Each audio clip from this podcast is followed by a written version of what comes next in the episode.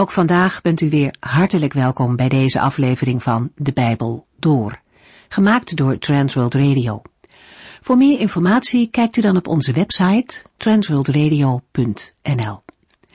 In deze serie gaat u in vijf jaar tijd met ons de Bijbel door, van Genesis 1 tot en met het laatste vers in Openbaring 22. Vandaag lezen we het laatste gedeelte van de brief aan de Galaten. Van deze serie zijn opnames gemaakt, die kunt u op dvd bestellen. Alle informatie vindt u op transworldradio.nl. Maar u kunt de afleveringen ook online bekijken, gaat u dan naar luisterpost.nl. Paulus eindigt deze brief aan de Galaten vol leerstellingen over de wet en de vrijheid van Christus, heel praktisch. Hij laat daarmee zien dat christen zijn meer is dan leer. Het is de bedoeling dat christen zijn niet iets voor de binnenkant blijft, maar zichtbaar wordt in de wereld. De vrucht van de geest, die bestaat uit liefde, blijdschap, vrede en meer van dergelijke aangename dingen. En die mogen groeien. Dan zal dat niet verborgen blijven. Nu groeit er iets niet zomaar. Wie wil oogsten, zal eerst moeten zaaien. En daar hebben we de vorige keer over nagedacht. Op dat punt komt er ook een eigen verantwoordelijkheid om de hoek kijken. Iemand zal oogsten wat hij gezaaid heeft. En wie verkeerde dingen zaait, moet dan ook niet verwachten dat er vanzelf iets goeds uit voortkomt. Natuurlijk, God is machtig om wetmatigheden te doorbreken. Hij kan, door genade, iets wat verkeerd begon, toch tot een goed einde brengen. Maar in dit gedeelte gaat het over mensen die verkeerd zaaien en daarbij blijven. Zij zullen oogsten wat zij zaaiden. En omgekeerd, wie goede dingen zaait, mag op den duur ook goede beloning oogsten. Gods beloning. Het kan wel een poosje duren, maar vruchten hebben ook tijd nodig om te groeien. Dat kan moeilijk zijn. En daarom roept Paulus ook op om niet te verslappen in het goede te doen. God zal het niet vergeten het zal zeker vrucht dragen. Een ander aspect van het zaaien en oogsten is, wat Paulus aanhaalt, en het heeft met de eeuwigheid te maken. Wie eeuwig leven wil oogsten, moet in goede grond zaaien. Dat betekent niet dat er een eigen verdienste aan te pas komt, maar er is wel sprake van een eigen verantwoordelijkheid om naar God te luisteren. Wie hem de rug toekeert, zal de bijbehorende vrucht oogsten. En omgekeerd zal wie hem gelooft ook de vrucht daarvan oogsten, namelijk eeuwig leven. Met deze uitzending komen we aan het slotgedeelte van de brief van Paulus aan de Gelaten. Zoals Paulus vaker doet, schrijft hij zelf het slot van de brief. Dat doet hij ook met het slot van 1 Korinthe, Colossense en 2 Thessalonicense. In gelaten 6 is het meer dan alleen een eigenhandige groet. Paulus onderstreept in de slotzinnen nog eens de ernst van de situatie in de christelijke gemeente van de Gelaten. Gelaten 6 vers 11. U ziet aan de grote letters dat ik dit zelf schrijf. Het was niet Paulus' gewoonte zelf te schrijven. In die tijd werd een brief meestal aan een schrijver gedicteerd. Hetgeen niet wegneemt dat het ik in de rest van de brief gewoon het ik van Paulus is, die zijn brief aan een schrijver dicteert. In Romeinen 16 vinden we de naam van de persoon die de Romeinenbrief voor Paulus heeft opgeschreven. Romeinen 16 vers 22. En tevens een groet in de Here van mij, Tertius, die deze brief voor Paulus heeft opgeschreven. Paulus schrijft met grote letters. De apostel voegde met eigen hand geschreven slot toe. De grote letters, die verschillen van het kleinere, regelmatige handschrift van de secretaris, onderstrepen het persoonlijke karakter van de brief. Waarschijnlijk wil de apostel ook de zaak die hij erin naar voren wil brengen extra onderstrepen over de opvatting dat grote letters het gevolg zijn van een mogelijke oogziekte van de apostel, waardoor hij gedeeltelijk blind zou zijn, vinden we in de commentaren geen eenduidige onderbouwing. Gelaten 6 vers 12 De mensen die u dwingen zich te laten besnijden, proberen daarmee op de Joden een goede indruk te maken. Ze willen voorkomen dat ze worden vervolgd voor het geloof dat men alleen gered kan worden door Christus, die aan het kruis gestorven is. Een laatste scherpe afweer tegen de Joodse dwaalleraren legt hun motieven bloot. Ze willen een goede indruk maken op de Joden. Degenen die de besnijdenis propageren hechten meer waarde aan de uiterlijke vorm dan aan de onzichtbare maar reële geloofsverbintenis. Die houding komt openbaar in de woorden de mensen die u dwingen zich te laten besnijden. De bedoelde mensen zijn de Judaïsten, die de gelaten de besnijdenis willen opleggen. Met deze woorden wordt het thema van de brief nog een keer samengevat. De Judaïsten blijven het proberen. Ze willen een goede indruk op de Joden maken. Waarom? Paulus schrijft, ze willen voorkomen dat ze worden vervolgd voor het geloof dat men alleen gered kan worden door Christus, die aan het kruis gestorven is. We hebben hierbij te denken aan vervolging door Joodse dwepers, zoals Paulus was voor zijn bekering, die op alle mogelijke manieren proberen te voorkomen dat het Jodendom onzuiver zou worden, doordat onbesnedene niet-Joden zomaar tot een Joodse secte zouden kunnen behoren. In het begin van haar ontstaan werd de christelijke gemeente gezien als een Joodse secte. De Joodse dwepers namen het de Messias beleidende Joden kwalijk dat zij heidenen toelieten zonder hen te besnijden. Vandaar dat er voor de Joodse christenen gevaar dreigde. In Gelaten 5 vers 11 had Paulus al geschreven dat ook hij werd vervolgd, omdat hij de besnijdenis als menselijke prestatie voor God afwijst. Gelaten 6 vers 13 Maar die voorvechters van de besnijdenis doen zelf niet eens wat de Joodse wet zegt. De reden dat ze u willen besnijden is om daarover te kunnen opscheppen. Zij die zich laten besnijden, de voorvechters van de besnijdenis, zijn dezelfde mensen die in het vorige vers de mensen die u dwingen worden genoemd. Zij tonen in hun gedrag dat hun inzet voor de besnijdenis niet de juiste inzet voor de wet van God is. Op andere punten waar die wet in hun eigen vlees snijdt, leggen ze de wet naast zich neer.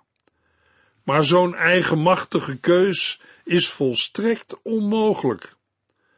Paulus toont hiermee de huichelarij en de schijnheiligheid aan van zijn tegenstanders. Het eigenlijke motief van deze Joodse dwepers is eigen eer. Ze willen erover kunnen opscheppen dat zij, de niet-Joodse gelaten, ertoe gebracht hebben zich te laten besnijden. Maar voor de Heer is deze eerzucht zonder inhoud. Ook de Heer Jezus is in het Nieuwe Testament regelmatig in discussie met de Joodse leiders. In Matthäus 23 zegt hij tegen de mensen en zijn leerlingen, de Bijbelgeleerden en de Fariseeën moeten de wet van Mozes handhaven. U moet precies doen wat ze zeggen, maar hun voorbeeld mag u beslist niet volgen. Ze doen zelf niet wat ze zeggen. Ze leggen de mensen enorme last op, maar steken zelf geen vinger uit om die te verrichten. Alles wat ze doen, is om op te vallen. In Matthäus 23 vers 13 is Jezus nog scherper. Pas op, bijbelgeleerden en fariseeën, huigelaars, want u belet de mensen het koninkrijk van de hemel in te gaan. En zelf gaat u er ook niet in. De mensen die erin willen gaan, worden door u tegengehouden. Lezen we bij deze woorden van de heiland nog een keer de woorden van Paulus aan de Galaten, dan ontdekken we parallellen. Galaten 6 vers 13. Maar die voorvechters van de besnijdenis doen zelf niet eens wat de Joodse wet zegt. De reden dat ze u willen besnijden, is om daarover te kunnen opscheppen. Treffend is dat Paulus in de brief aan de Galaten en de Heer Jezus in het evangelie naar Matthäus laten zien dat zij die beweren dat ze onder de wet leven, dat in feite niet doen. We hebben het er al eerder over gehad, maar het is goed om er nog een keer aan te herinneren. Voor de Heere zijn zeggen en doen onlosmakelijk met elkaar verbonden. Daarvan lezen we in nummer 23 vers 19 een voorbeeld. God is geen man dat hij zou liegen. Hij verandert niet van gedachten, zoals mensen doen. Heeft hij ooit iets beloofd zonder zijn belofte na te komen? Ook voor christenen is dit een belangrijke zaak. We zeggen veel, maar doen we het ook? Als de Heere iets belooft, dan komt hij zijn belofte na, en dat verwacht hij ook van zijn kinderen. Gelaten 6 vers 14 Wat mijzelf betreft, ik zal alleen maar hoog opgeven van onze Heer Jezus Christus, die aan het kruis gestorven is. Samen met hem is de wereld voor mij dood en ben ik voor de wereld gestorven. De enige grond om ergens hoog van op te geven, ligt in het kruis van onze Heer Jezus Christus.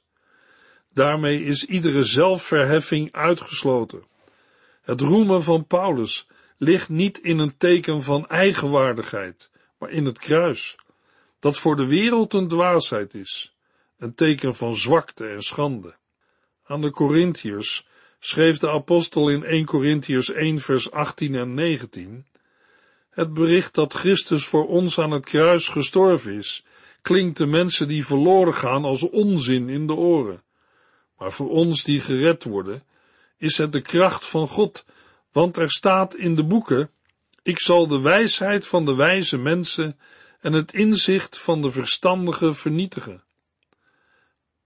Het kruis wijst op de vloek die wij mensen hebben verdiend, vanwege het feit dat we de wet niet gehouden hebben. Tegelijkertijd wijst het kruis op de enige manier waarop een mens deel kan krijgen aan het heil dat de Heer heeft beloofd. De basis daarvan ligt alleen in Gods genadige en eenzijdige daad van verlossing en verzoening. Daarmee is hij naar ons mensen toegekomen, in zijn Zoon, Jezus Christus. In Gelaten 4, vers 4 tot en met 6 hebben we gelezen, maar toen de juiste tijd gekomen was, de tijd die God daarvoor had bepaald, stuurde God zijn zoon, die als mens uit een vrouw werd geboren en aan de wet onderworpen was. Hij zou ons vrijkopen van die wet, zodat God ons als zijn kinderen kon aannemen. En omdat wij zijn kinderen zijn, heeft God de geest van zijn zoon in ons hart gegeven, zodat wij God echt kunnen aanspreken met vader. De grond van Gods heil ligt alleen in de zelfovergave van zijn Zoon Jezus Christus. De vrijkoping kwam tot stand door het plaatsvervangend lijden en sterven van Christus aan het kruis van Golgotha. Wat op Golgotha gebeurde, bepaalde voor een gelovige ook wie hij of zij is voor de Here. Door het geloof in Christus is hij vrijgekocht en door de Heer als zijn kind aangenomen. In Gelaten 2 vers 20 hebben we gelezen dat Paulus samen met Christus aan het kruis is gestorven. Daarmee verbonden is wat we lazen in Gelaten 5 vers 24. Wie bij Jezus Christus hoort, heeft met zijn oude natuur en begeerten afgerekend. Die zijn aan het kruis geslagen. Paulus schrijft in vers 14, Samen met hem is de wereld voor mij dood en ben ik voor de wereld gestorven. Paulus staat daarom in een nieuw leven. De wereld is hier de wereld buiten Christus. Door het kruis van Christus mag Paulus zich vrij weten van iedere claim die deze wereld nog op hem wil leggen. Paulus is geen slaaf van de zonde meer. Tussen Paulus en de wereld staat het kruis van Christus. Dat hoort ook vandaag de positie van elke gelovige te zijn. Daarbij is er niets waarover wij mensen hoog kunnen opgeven. Een gelovige die van genade moet leven, zal niet opscheppen over het feit dat hij of zij de bergreden houdt, of behoort tot een bepaalde kerk of gemeente. Hij zal niet opscheppen dat hij of zij een bepaalde taak in de gemeente van Christus mag vervullen. Een gelovige heeft niets om prat op te gaan. We zijn het eens met de apostel Paulus. Wat mijzelf betreft, Ik zal alleen maar hoog opgeven van onze Heer Jezus Christus, die aan het kruis gestorven is. Gelaten 6 vers 15. Het maakt geen enkel verschil of u besneden bent of niet. Waar het om gaat is of God een nieuwe mens van u heeft gemaakt. Ons leven kan geen andere basis hebben dan het werk van Christus. Daarom is alle roem die zich op iets in de mens of op het houden van de Joodse wetten baseert, uitgesloten. Daarom deugt de roem van de dwaalleraar niet. Om dat te onderstrepen herhaalt Paulus zijn conclusie van Gelaten 5 vers 6. Voor wie bij Christus Jezus hoort, is het al of niet besneden zijn volmaakt onbelangrijk. Het enige dat werkelijk van belang is voor de Heere, is of een mens een nieuwe schepping is. Wie in Christus is, is een nieuwe schepping, omdat hij een nieuwe zijnsgrond heeft ontvangen. Als u christen wordt, wordt u van binnen helemaal nieuw. U bent als het ware opnieuw door God geschapen. Er is een heel nieuw leven begonnen. En door het geloof in Christus Jezus bent u allemaal kinderen van God geworden. Door het vrijsprekende oordeel van God mogen gelovigen leven. Het oude ik is gestorven, een nieuw ik is opgestaan. Deze nieuwe schepping is in de eerste plaats een gave van God. Tegelijkertijd is er een opgave voor de gelovigen, want dit nieuwe leven uit zich in liefde, ja zelfs door het doen van Gods wil. Een gelovige wil zich houden aan het woord van God. Daarmee komt ook de wet van God in het nieuwe leven terug, niet als een slavenjuk, maar als een middel dat de geest gebruikt. De Heilige Geest wil ons leiden. Daarbij gebruikt de Heilige Geest ook het woord van God om ons in het goede spoor te houden. Door het geloof is een gelovige al een nieuwe schepping. Tegelijkertijd zal dit in ons leven steeds meer gestalte moeten krijgen. Er is een groei naar geestelijke volwassenheid. Ten slotte, de nieuwe schepping heeft ook een belofte in zich voor de toekomst. Gelaten 6 vers 16 en 17. Gods vrede en goedheid zijn voor allen die volgens deze regel leven. Ze zijn Gods eigen volk. Voortaan wil ik niet meer met dit soort zaken lastiggevallen worden, want ik draag de littekens van Christus op mijn lichaam. In de versen 12 tot en met 15, de slotregels van deze brief, heeft Paulus de kern van zijn verkondiging weergegeven. Hij kan er naar verwijzen als naar een kanon, een richtsnoer, een regel, die het hele evangelie bevat. Het kruis van Christus vormt de basis ervan de nieuwe schepping de verwerkelijking. Daarom kan deze regel de norm zijn. Alle die volgens deze regel leven, zijn de gelovigen, Joden zowel als niet-Joden, die door het geloof in Christus Jezus deel hebben gekregen aan de belofte. De zegenbeden, Gods vrede en goedheid zijn voor allen, is geen leeg gebed. De bede is gebaseerd op Gods eigen belofte. Hij heeft vrede, dat is volkomen harmonie en heelheid, beloofd door Jezus Christus. In Romeinen 5 vers 1 schrijft Paulus, omdat wij ons aan God hebben toevertrouwd, zijn wij rechtvaardig geworden en leven wij nu in vrede met God dankzij onze Heer Jezus Christus. Het woord goedheid of barmhartigheid is de vertaling van het Hebreeuwse woord voor verbondstrouw. Paulus geeft aan dat zij die uit het verbond met God leven, zoals hij dat in Christus heeft bevestigd, mogen uitzien naar de uiteindelijke verwerkelijking van Gods verbondsbelofte. In Gelaten 3 vers 14 schreef de apostel al, op die manier is door Christus de zegen van Abraham tot de andere volken gekomen.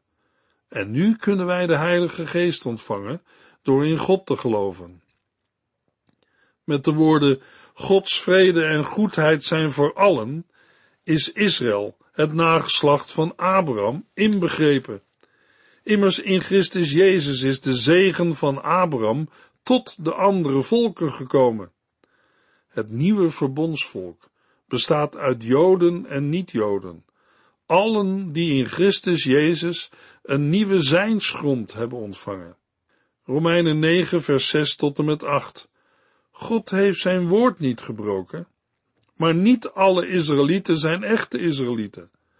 Al stammen zij van Abraham af, daarom zijn ze nog niet allemaal ware kinderen van Abraham, want God heeft gezegd, Isaac is degene met wie ik mijn verbond heb gesloten.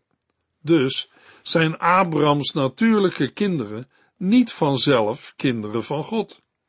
Nee, dat zijn alleen zij die net als Abraham op de belofte van God vertrouwen. Paulus verruimt met de woorden Gods vrede en goedheid zijn voor allen de horizon van de brief.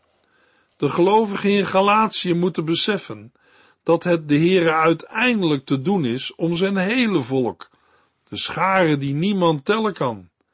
Het gaat niet alleen om de gemeente van Galatië. Voor de slotzegen in vers 18 staat in vers 17 een persoonlijk verzoek van de apostel Paulus. Voortaan wil ik niet meer met dit soort zaken lastig gevallen worden, want ik draag de littekens van Christus op mijn lichaam.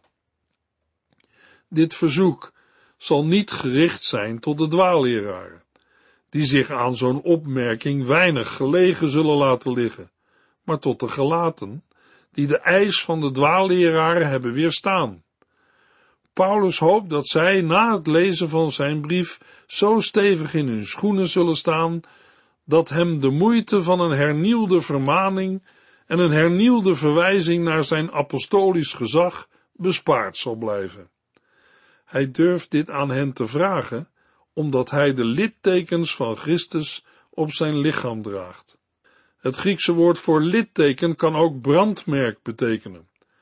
Door middel van zo'n brandmerk werden slaven gemerkt, zodat levenslang duidelijk bleef van wie zij het eigendom waren. Dat maakte het extra lastig te vluchten, maar gaf bij een goede meester ook een stuk bescherming. Want wie aan zo'n slaaf kwam, kwam aan zijn meester, van wie hij het brandmerk droeg. Mogelijk dat Paulus dit beeld in gedachten heeft bij de woorden van vers 17.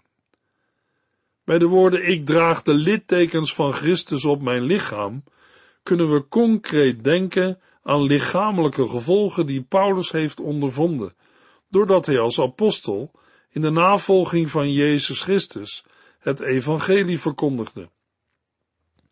In 2 Korintiërs 4, vers 7 tot en met 11 schrijft Paulus, maar deze kostbare schat hebben wij in kwetsbaar aardewerk, ons lichaam.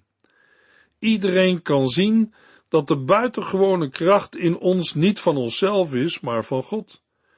Wij worden van alle kanten bestookt, maar zitten niet in het nauw. Wij krijgen veel moeilijkheden te verduren, maar worden niet wanhopig.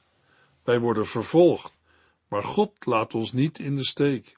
Wij worden neergeslagen, maar staan telkens weer op, omdat wij dagelijks ons leven voor Jezus inzetten, ervaren wij in ons lichaam het sterven van Jezus. En zo komt ook het leven van Jezus in ons tot uiting. Ja, ons leven loopt steeds gevaar, omdat wij de Here dienen. Maar dan blijkt ook telkens weer hoe sterk het leven van Jezus in ons sterfelijk lichaam zichtbaar wordt. Voor Paulus waren het tekenen dat hij werkelijk in het spoor van Jezus Christus liep. In 2 Korintiërs 11 vers 23 tot 27 geeft Paulus nog meer informatie over het lijden dat hij om Christus wil moest ondergaan. Paulus schrijft, werken zij voor Christus? Ik ben natuurlijk niet wijs dat ik dit zeg, maar ik heb veel harder gewerkt dan zij. En zo kan ik wel doorgaan. Ik heb veel vaker in de gevangenis gezeten. Ik ben ettelijke keren afgeranseld. Ik heb meermalen oog in oog met de dood gestaan. Ik heb van de Joden vijf keer de beruchte veertig min één zweepslagen gehad. Ik ben drie keer met stokken geslagen en één keer met stenen bekogeld. Ik heb drie keer schipbreuk geleden. Ik heb eens een nacht en een dag in open zee rondgedobberd. Ik heb veel gereisd, waarbij ik vaak gevaar liep door overstromingen, rovers, aanvallen van mijn eigen volk en van anderen. Altijd dreigde er gevaar, rellen in de steden, dood in de woestijn, verdrinking op zee, verraad door valse christenen. Ik heb gezwoegd en geploeterd, nachten niet geslapen, honger en dorst geleden, vaak niet gegeten en kou geleden, omdat ik geen kleren had om aan te trekken. De littekens van Christus op zijn lichaam waren de sporen van het lijden dat Paulus om Christus wil moest ondergaan en was overkomen.